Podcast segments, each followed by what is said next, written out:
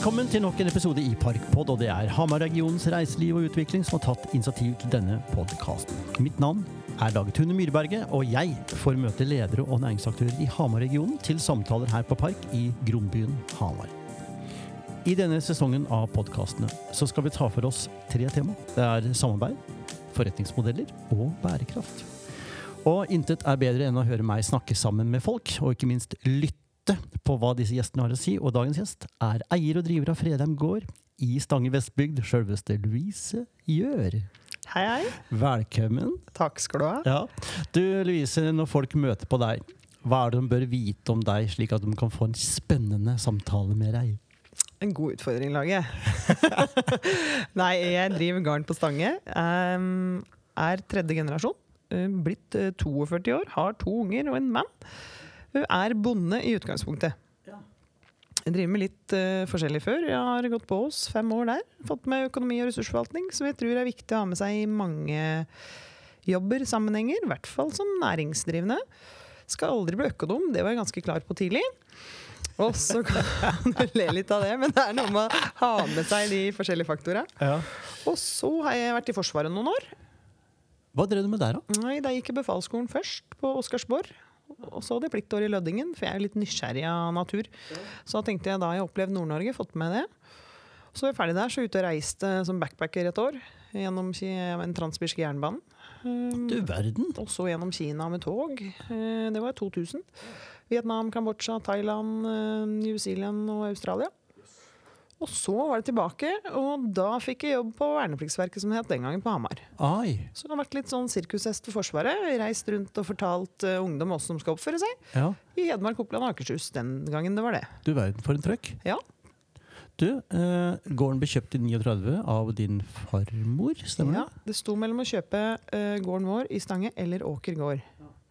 Eh, Jeg må jo si at jeg er glad for å ha så lite penger at vi endte opp på Stange. Men det er ganske interessant, for i 39 var jo ikke noe oppgangstid, og vi var alene. Ja, Hun var 25 år gammel. Imponerende. Ja, Vi bodde på Elverum og vært og sett på flere gårder rundt der. Og var ei dame med tak i og ben i nesa og visste hva hun ville. Og det var jo ikke noe heiagjeng som sto bak henne i 39. Så hun har gjort mange bra valg, tenker jeg. Ja, Så hun tok over den gården rett inn i eh, nazismens uh, regime i Norge i 40? Ja, Eller hun kjøpte den på åpne markedet. Mm. Dæven døtte. Det var litt av en tøff start. Ja, det var det. Ja. Uh, Hun snakka jo ikke mye om det, men det var jo mye aktivitet i bygda vår på den Mm. tida. Ja, Det var det. Ja, det kjenner vi til. Mm. Du, hun var der altså da fram til 69, Mm. og da ble faren din som tok over? Ja. Mm. Da kjøpte faren min videre gården av farmora mi. Han har tre søsken. To yngre. Eller om jeg er tre, han har to yngre søsken. Og det var han som skulle drive videre. Ja.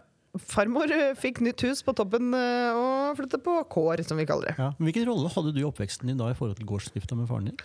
Eh, nei, vi ble jaga på morgenen og skulle plukke egg. Slapp å verpe dem? Slapp å verve dem, og det sto ikke noe langt opp på lista. Og... Men det vi lærte å jobbe. Vi fikk være med. Hvis du skal Ja. ha penger, så kunne du tjene dem sjøl. Og det var uante mulighet til å tjene penger. Det var jo ikke artig å plukke egg eh, hver helg. Det var jo ikke artig å være med og høste løk. Men det var noe med å få den arbeidsgleden og den skjønne at hvis du skal få noen penger, så må du jobbe.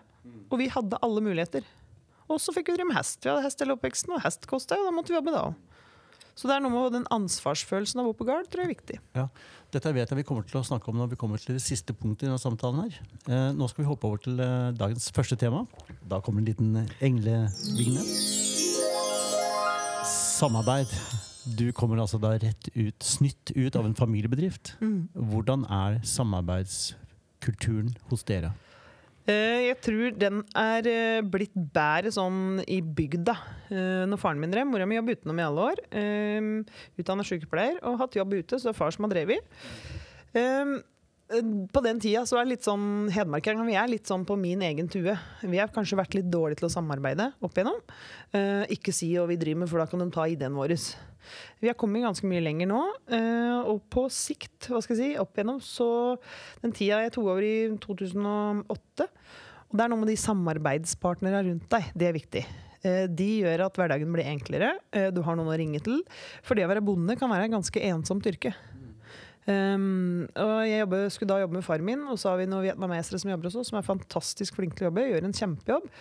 Og jeg som da er litt over snittet sosial, skulle gå der med den gjengen der. Det tenkte jeg at eh, hva gjør jeg nå? Hjelp, dette her blir Ja. Så da er det å knytte til seg nettverket og engasjere seg i nettverket rundt deg. Sånn som Bondelag, vi hadde Stange Vestbygd, vi har forskjellige organisasjoner som er med og engasjerer deg. Og det tror jeg er viktig for å bygge opp nettverket ditt. Ja, så, så tidligere generasjoner mer for seg sjøl, nå mye mer åpent. Ja, jeg tror har, det. har det noe med kommunen eller har det noe med samfunnet å gjøre? Hva er det som presser dette her fram? Eh, litt tiden. Eh, det var eh, ganske mye annerledes nå enn i 69 eller i 80-tallet. Eh, vi har internett, vi har mye mer tilgjengelig for å skape et nettverk raskere. da. Jeg tror det er en viktig del. Um, det med å lage Facebook, markedsføre seg på Facebook, det på markedsføre seg på radioen, sånne ting. Det var jo ikke naturlig den gangen. Da var det avisa, da. Ikke sant? Du, oi, jeg har fått bilde i avisa. Det var, det var stort på, jo, men det var stort på den Og- tida. og- Sånn. Jeg har vært i avisa før også, for Ja. jeg fant dem en veldig stor potet. Ikke sant? Ja. Ja, jeg hadde digert kålulaget. Ja, der har vi det, altså. Vi har vår karriere bak oss. Ja. Det er bra noe nytt skjer også. Ja, ja, viktig. Men som sagt, samarbeid det er noe med at det gjør hverandre gode. Det tror jeg er viktig. Å tørre å unne andre, for unning er det slutt på snart i samfunnet. Det må vi jo ta litt tilbake.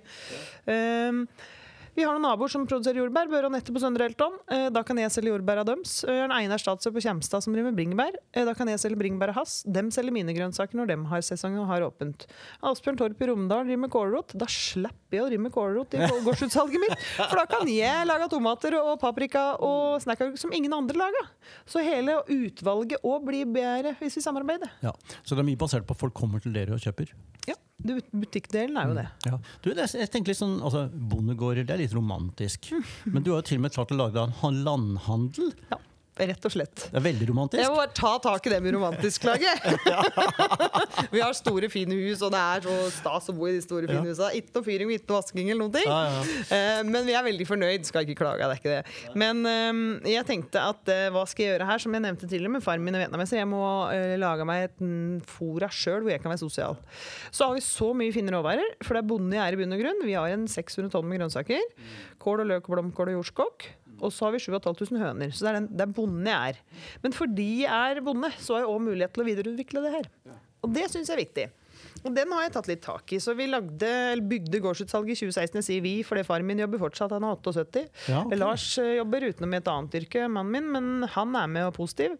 Og mor mi er med i Tomathuset, så vi har liksom bra- nettverk på gården. Så vi er nesten gått litt tilbake til den gamle dager-delen. Så har vi her Louise som jobber i butikk. Ja, romantisk og romantisk. Hører til det romantiske. Eh, Det er mye jobbing, det er mye timer.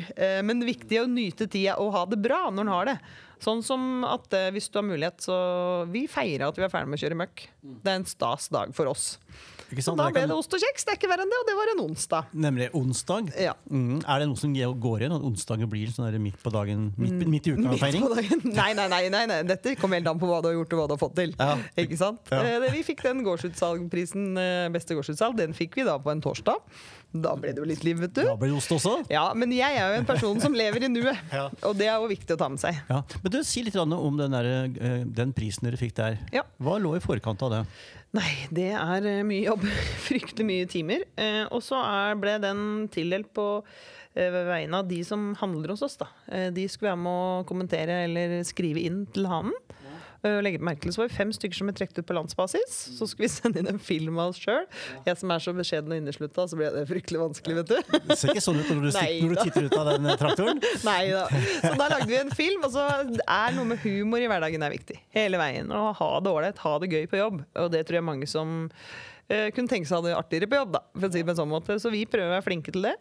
Sendte vi inn en film, og så skulle en jury på var det fem stykker avgjøre hvem som ble Norges beste gårdsutsalg.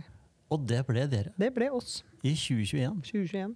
Hanen um, som eh, organiserte den biten. Ja. I koronaåret. Men hvordan var det å samarbeide eh, for dere gjennom koronaen? Eh, nei, det er mye på nett. Vi hadde jo litt sånn vår egen kohort med de som vi har hengt med hele tida. Uh, og med den biten da, så var det jo Når det ikke var så mye som skjedde, da har vi bedre tid til å produsere litt egenproduserte varer. Sånn som pickles, uh, pizzasaus eh, på kjøkken. Og da møtes vi i et annet fora, da. Så vi hadde vårt eget lille nettverk. Det hadde vi. Du, Nå ble jeg frista til å ta en ny vignett for å hoppe bort til neste tema. Er det neste side? Ja, nå For når jeg hører begynner å snakke om covid-19, og sånne ting, så handler det litt om forretningsmodeller. Og man reorienterer seg litt også på mm. annen type produksjon. annen type, Kanskje Ja, fortell litt. Um, vi som sagt produserer kål. Uh, vi lager alle plantene våre sjøl. Vi produserer blomkål, og vi har uh, løk og jordskokk. Det er de delene. Så har vi egg. Uh, så for min del så har det på en måte pressa seg fram en forretningsmodell på, litt ut ifra det. Uh, de ståstedene og de uh, grunnpilarene vi har i bedriften vår. Uh, og så er det noe med det ønsket å videreutvikle og ønske å dele med andre. Eh, vi har så mye bra ressurser rundt oss. Vi bor jo midt i matfatet. Eh, og jeg tenker å Hørtes ut som et slagord. Ja, det er midt i matfatet. Hørt det før? Nei, det er noe med å dele med de andre rundt eh, og eh, invitere dem inn og se hva vi har. da. Vi produserer en 35 sorter med grønnsaker. Så forretningsmodellen var da Jeg har jo 1000 ideer i laget, det koker jo hele tida. Um, og vært innom masse forskjellig. Skulle bygge bakeri? Skulle vi begynne med smykker? Hva skulle vi gjøre? ikke sant? Og vi har diskutert masse frem og tilbake. Nesten kulturhus òg. Ja, det var nesten. Vi har jo det egentlig Ja. litt i bygda. Ja. så da slapp jeg det. Nei, eh, så da var det litt sånn frem og tilbake. Hva gjør vi? Um, og innovasjon, gjennom Innovasjon Norge så får du jo søknaden din i retur ja, mellom to og ti ganger, og det er en grunn til det. Eh, du blir litt sånn sint og frustrert til slutt, men da du har fått den i retur så mange ganger, så har du tenkt gjennom så utrolig mye, og det er en grunn til at det skjer. Bare at du skjønner ikke hvorfor det skjer der og da. Men i ettertid så ser jeg hvorfor det skjer. Det er for at du skal få gnudd forretningsplanen din så mange ganger rundt. Så må du tørre å ha med deg noen på laget som er bedre enn deg. Det gjør at du blir god. I hvert fall jeg som leder. Eh, Jeg har med Louise, hun er god på grafisk design. Simon Geir han er god på interiør. Eh, Hadde det vært opp til meg, så hadde butikken sett akkurat sånn ut eh, i fem år til. Men der ble jeg litt utfordra. Det gjør litt vondt. Eh, Jeg må jobbe fryktelig mye med meg sjøl. Jeg ser du sliter med å fortelle dette. Jeg gjør det. Og så har jeg en far som da er enda gamlere generasjon, som bare Hæ, skal vi gjøre om det er da så fint? Så det er noe med den biten der. Um, og så har en venninne av meg som er god på interiør, som jeg overhodet ikke er opptatt av, for jeg er jo bonden. Jeg skal egentlig være ute. Så vi sammen eh, med de andre som jobber rundt oss, blir et kjempeteam. Det gjør at du får fryktelig mange elementer, og så at du må slippe noen av dine kjepphester. Noen kjepphester må få lov til å fly. Eh, da, da blir du bedre. Og helt konkret så fikk dere da støtte fra Innovasjon Norge nå. Mm -hmm. og hva det dere jobber med der? Nå driver vi med videreutvikling av egenproduserte varer. Eh, Sånn som pickles, pizzasaus, sylta løk, gulrotmarmelade, sylta kål. En del sånne ting som kan selge hva skal jeg si, gården eller bygda hele året. Ja, For du får ikke blomkål hele året, men det kan du få som pickles. Du får ikke sylteagurk mer enn et par måneder.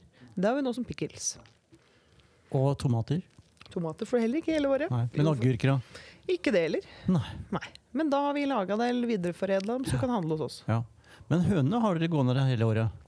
Hønene går ned stort sett hele året. Ja. Eh, selvfølgelig bytter vi jo ut innimellom, men det er nå frittgående 7500 høner. Fy søder. Kjempeviktig del. Og egg er jo et så bra næringsstoff. Tre- egg- Det er jo egg vi trenger, litt C-vitaminer, så kommer du langt. Ja. Er det jevnt trøkk på butikken også gjennom hele året? Ja, det er det. Selvfølgelig er noen måneder litt roligere enn andre, men jeg syns det er jevnt trøkk. Eh, Veldig mange nye. Veldig mange som har sett oss i forskjellige fora, for vi har jo vært heldige med oppmerksomheten nå. Jeg må si det. eh, Som har sett oss og innom og se hva det er. Og det er noen ting som er viktig. Eh, Vi bor på gård. Eh, Vi har ikke den store gården, det er en 120 mål, så det er ikke mye. Men det at det skal se ryddig og ordentlig ut. Så er det litt sånn eh, rart for mange å kjøre inn der, for du kjører inn på en gård, og det er egentlig ikke helt lov, egentlig, er det det? Du føler at det er på annenmannseiendom, alle er litt sånn kan vi kjøre her? Da er det traktorer, gamle traktorer, det er kasser, det er jord, fordi det skal inn en del grønnsaker, en del tonn med grønnsaker. Og da føler du at du kjører litt oppi, og så kjører du rundt, og så ser du utsikten. Da ser du hele Mjøsa, og da får du parkert, og alle er litt sånn For en utsikt, for et fantastisk sted. Og da er det viktig for meg at det ikke er masse rask og ræl og planker som ikke er mala, takrenner som henger ned i ei tinetralle, eller noe som står ute. Det må se ordentlig ut, og du må være innbydende, og du må ønske å komme igjen. Fordi det du tenker åh, her var det møkkete, nei, uff, se på dette her, da. Da har du allerede gjort deg en tanke om at du ikke vil komme igjen. Ja, og det både lufter rart og ser rart Ikke sant? Ja. Også noe med at noen ser deg. Ja. Hei! Sier de ser deg, øya, sier jeg. Og det er jo et tips å ta med seg hvis du jobber i butikk, og det kommer noen inn i butikken din. Få ansiktet ditt opp, si hei. Du kan ta en runde på hvilken som helst butikk eller hvilket som helst senter, og så kan du begynne å se deg rundt. Ja. Det er innmari viktig. Det er så viktig, og jeg har blitt veldig opptatt av det. Og hvis jeg går inn i en del butikker, så er det fryktelig få som sier hei eller ser deg i øya. Du, disse vietnameserne som jobber hos dere, Mm. har de lært seg ordet hei? De er gode på hei, og de er på ha det, og de er på tomat og agurk og alt. De. så de er blide, og de er veldig klare. Det er hei, og nå er det hei, Louise. Så nå er vi på fornavn alle nå. Ja. Veldig viktige folk. Flinke. Du, eh, sånn kort, altså dere har jo, du sier at det må være gøy på jobb. Mm. Eh, når jeg ser sånn ikke-reiste eh, egg, Ja. Mm. så får jeg smil om munnen. Så det er jo mye humor i det. Det er det. Ja. Jo, så tør å by på seg sjøl. Jeg har jo såpass mye bilder av meg som folk når mannfolka kommer inn så vi får vel kjøpe litt blomkål da, Dave. For det der ligger ute et artig bilde, eller ja, noen gulrøtter i dag. Og det er noe med å tørre å by på seg sjøl, da. Så kommer de, og så ser de akkurat det de har sett på bildet. Det er jo lite hokus pokus. Men har drifta av gården deres ofte vært slik at man selger nært? Ja, eh, far har hatt eggutsalg en del år, og de har fått kjøpt kål. De, altså skal det, var en gjeng som skulle på jakt. Da kom vi inn og henta tre sekker med kål, for de skulle videre. Så det har på en måte vært tilgjengelig, men ikke det på det nivået som det er i dag. Nei, det siste, Er det elleve åra du har vært eh, leder her nå? Ja, hvis Fra 2008 til nå. Ja. Mm. ja. 13? 13. Ja. Å, herlighet. Ja. Fy søren, tida går. bare Altså. 27. Men det er veldig spennende. Jeg tenker på forhold til altså hvordan covid-19 også har utfordra en del eh, virksomheter som kanskje har hatt et større outreach da, Mm. i næringsvirksomheten sin, men at man da blir mer lokalt. Så har det kanskje vært godt posisjonert i utgangspunktet for å kunne håndtere det. Og samarbeid med Vestbygda også har kanskje betydd mye for at dere får til å drive gjennom en så vanskelig periode. Mm, ja. Og så tror jeg de som har handla hos oss, i hvert fall handla mer hos oss. For det å måtte stå og dra i døra på Kiwi, alle de dørene alle andre har stått og dratt i før, da er det bedre å komme inn til oss, eh, få vaske hendene på do, eh, gå inn og så handle, og så gå ut igjen. Slippe å ta på mye ting. eh, Og ikke den så mye folk på en måte som har vært innom. Vi har ikke melk og brød og smør, ellers så tror jeg du skal overleve på ganske mye. Jeg klarer meg veldig fint uten melk. Ja, ikke sant? Men vi har mjøl så du kan bake. Vi skal over til et nytt tema. Ja. Siden vi er inne på at det er kort vei opp til dere å handle bærekraft. Hvordan jobber dere med bærekraft? Um, dette her i Tok, tok du fart nå med rense? Nei. Eh, det som er litt interessant, er bærekraft uh, på veldig mange forskjellige måter og nivåer. For, for min del så er noe det med bærekraft i landbruket. Er viktig. Bærekraft i handlinga. Og bærekraft i forbruket vårt. Så det er bærekraft på forskjellige måter. Eh, Det hovedsak er å, det økologiske drifta. Jeg kommer ikke til å drive økologisk. Mange spør om jeg driver økologisk. Men eh, Jeg har ikke noe mål om det, men jeg har mål om å tilnærme meg mer og mer den økologiske drifta. Ta med mange av de faktorene med tanke på å ta vare på jorda vår. Eh, Vi har Den jorda vi har, vi får ikke noe ny. Eh, Det er der jeg skal produsere mine grønnsaker. Eh, Det å bruke husdyrgjødsel, f.eks. Det å radrense i stedet for å sprøyte så mye. Altså En traktor som kjører i radene så ugress blir borte. En del sånne ting, sånne, sånne faktorer. Eh, Det med å ikke kaste mat. Eh, Sånn som Vi har ikke hivd en tomat nå. Noen de grønne har gått i grønn tomatchutney, som noen andre. Og resten av tomaten har vi på frys, som er helt solmodne, som går til pizzasaus. Da er det bærekraftig produksjon sånn sett. Ja, så du, blir- mer bevisst i produksjonen din også, på hvordan du tenker og Mye mer bevisst. Eh, og det å da kjøre ned igjen i jorda, f.eks. Pløye ned igjen. Med tanke på mikrobiologien som, ja, som skjer i jorda. Um, også det med plastbiten rundt det. Eh, Alle bare sier 'Å, du har så fin kålrot'. Ja, vi tar den rett fra vaskelinja hos Asbjørn, og så ligger den i kjøletemperatur hos oss hele tida. Eh, når du skal kålrot på butikken nå, eh, så er det viktig med plass på kålrot, for ellers så blir den slapp og tåler ikke så mye. Mens vi da sørger for å sprute litt vann på den, holder den fuktig, og at den ligger i riktig temperatur hele tida. Da slapp vi den plastdelen. Ja, det er det. Og agurk òg. Hvis du ikke har plastikk på agurk, så vil jo ikke den vare mange dager.